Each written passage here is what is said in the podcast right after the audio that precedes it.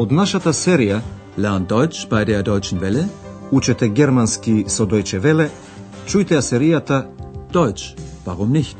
Германски зошто не?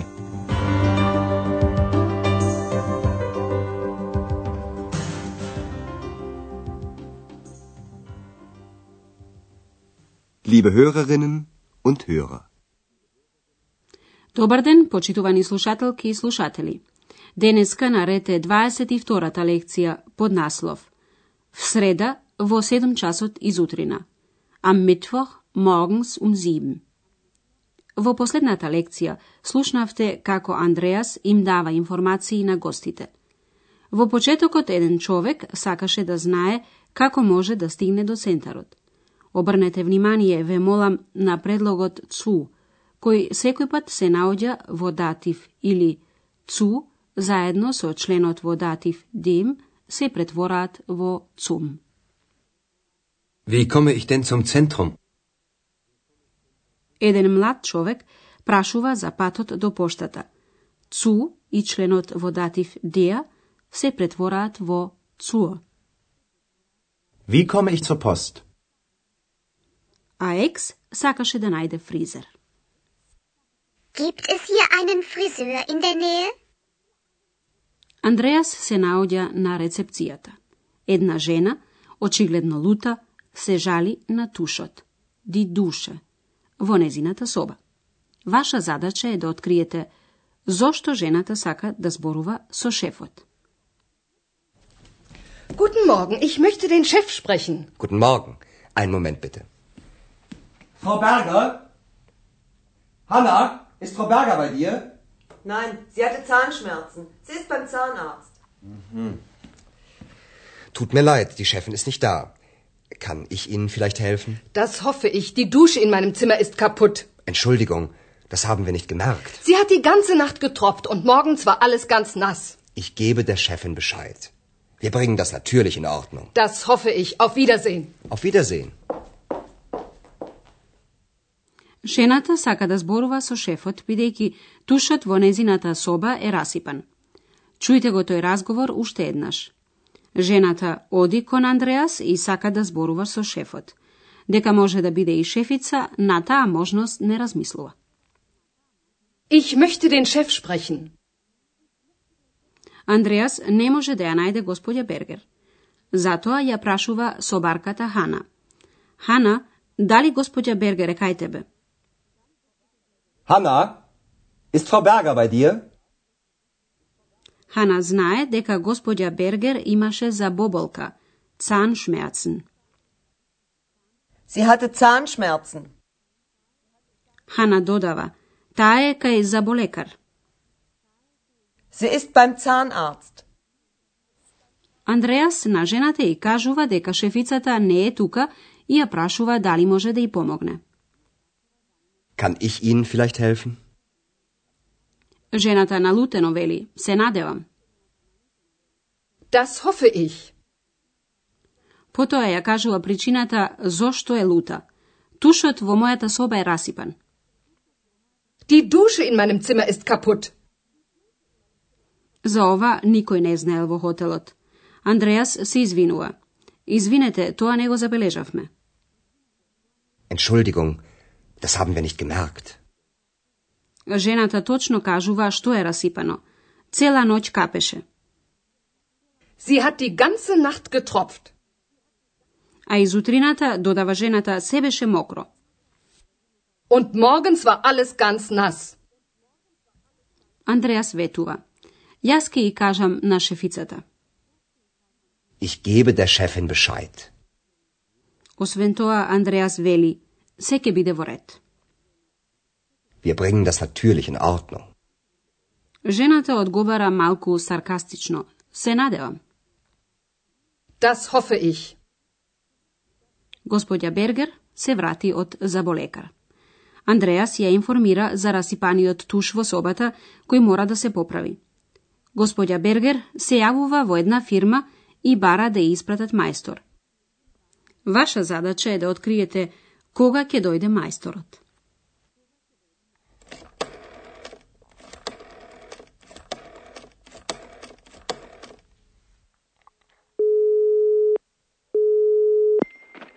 Moll, guten Tag. Guten Tag, Berger, Hotel Europa. Bei uns ist eine Dusche kaputt. Wann kann mal jemand kommen? Warten Sie mal. Heute ist Montag. Sagen wir am Freitag um 9 Uhr. Oh nein, das ist viel zu spät. Geht es nicht früher? Es ist sehr dringend. Hm. Am Mittwoch. Morgens um sieben. Geht es nicht doch heute oder morgen? Na gut. Sagen wir morgen. Aber erst am Abend. Das ist sehr nett von Ihnen. Dann bis morgen. Gospodja Berger uspja i se dogovori u trevečer da dojde za nečija. Da go čujeme razgovorot u štednaš. Господја Бергер се јавува во една фирма, eine фирма. На другата страна се јавува Маш и се представува со името на фирмата. Moll, guten Tag. Господја Бергер кажува што е расипано. Кај нас е расипан еден туш. Bei uns ist eine Dusche kaputt. Господја Бергер прашува кога некој може да дојде. Wann kann mal jemand kommen? Човекот гледа во книгата со термини. Денеска е понеделник, Мунтак. Тој предлага в петок, Фрајтак. Тој вели, денеска е понеделник, да кажеме в петок, во 9 часот. Heute ist Montag. Sagen wir am Freitag um 9 Uhr. Господја Бергер не се согласува.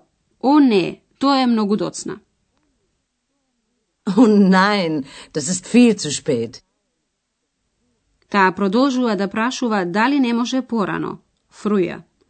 Таа образложува, многу е итно.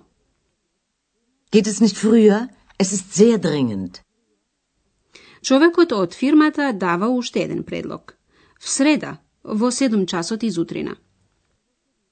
Am Mittwoch. Morgens um 7. Господја Бергер се обидува уште еднаш да добие подобар термин. Дали не може денеска или утре? Geht es nicht doch heute oder morgen? Човекот од фирмата се согласува. Па добро, да кажеме утре, меѓутоа дури навечер. Na gut. Sagen wir morgen. Aber erst am Abend. Господја Бергер му се заблагодарува и се простува од него. Тоа е мошно љубезно од вас. Тогаш до утре. Das ist sehr nett von Ihnen. Dann bis morgen. А сега нешто повеќе за дативот. Во почетокот за временско определување со датив и второ околу предлогот by со датив.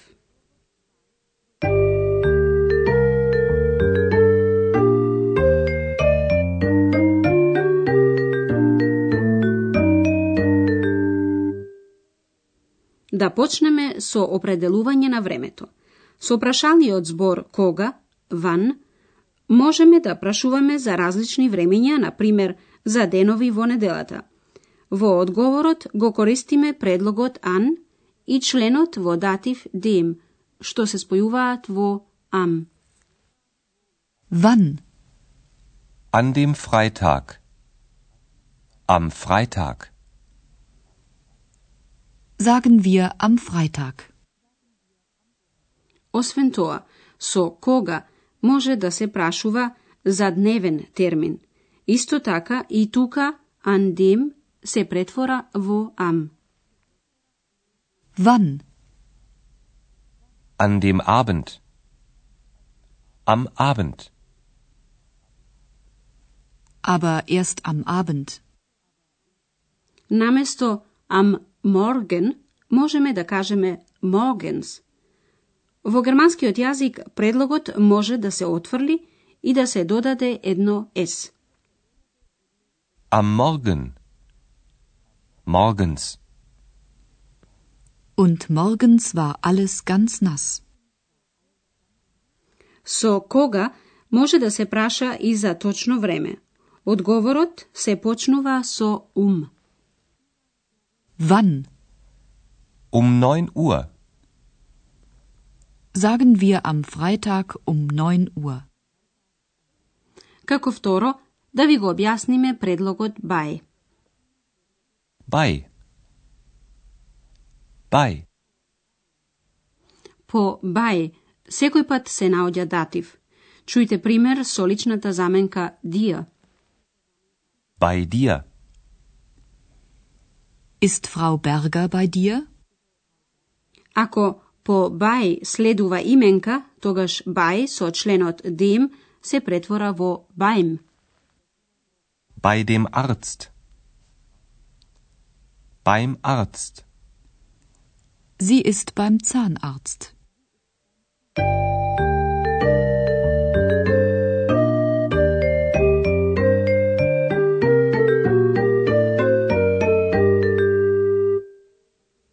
На крајот да ги чуеме двата диалога уште еднаш.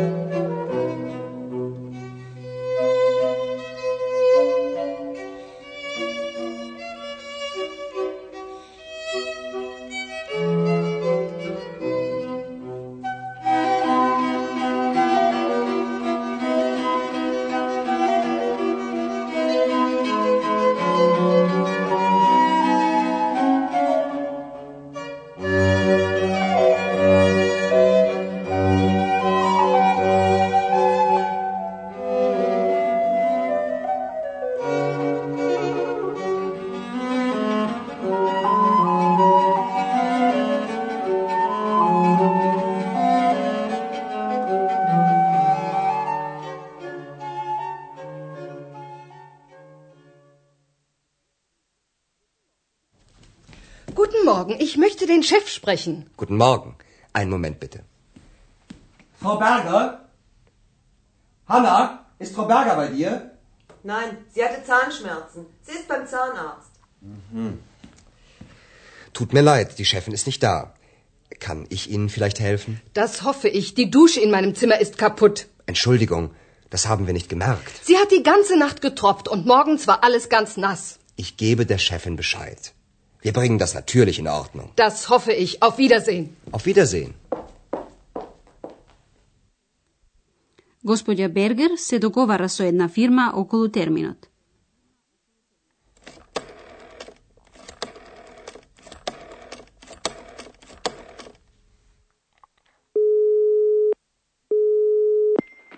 Firma Moll, guten Tag. Guten Tag. Berger, Hotel Europa. Bei uns ist eine Dusche kaputt. Wann kann mal jemand kommen? Warten Sie mal. Heute ist Montag. Sagen wir am Freitag um 9 Uhr. Oh nein, das ist viel zu spät. Geht es nicht früher? Es ist sehr dringend. Hm. Am Mittwoch. Morgens um 7. Geht es nicht doch heute oder morgen? Na gut. Sagen wir morgen. Aber erst am Abend. Das ist sehr nett von Ihnen. Dann bis morgen. За денеска толку. До наредната емисија се простуваме со дослушање до наредниот пат. Bis zum nächsten Mal. Тоа беше германски Зошто не? Радиоговорен курс на Херат Мезе во продукција на Дојче Веле и на Гетовиот институт од Минхен.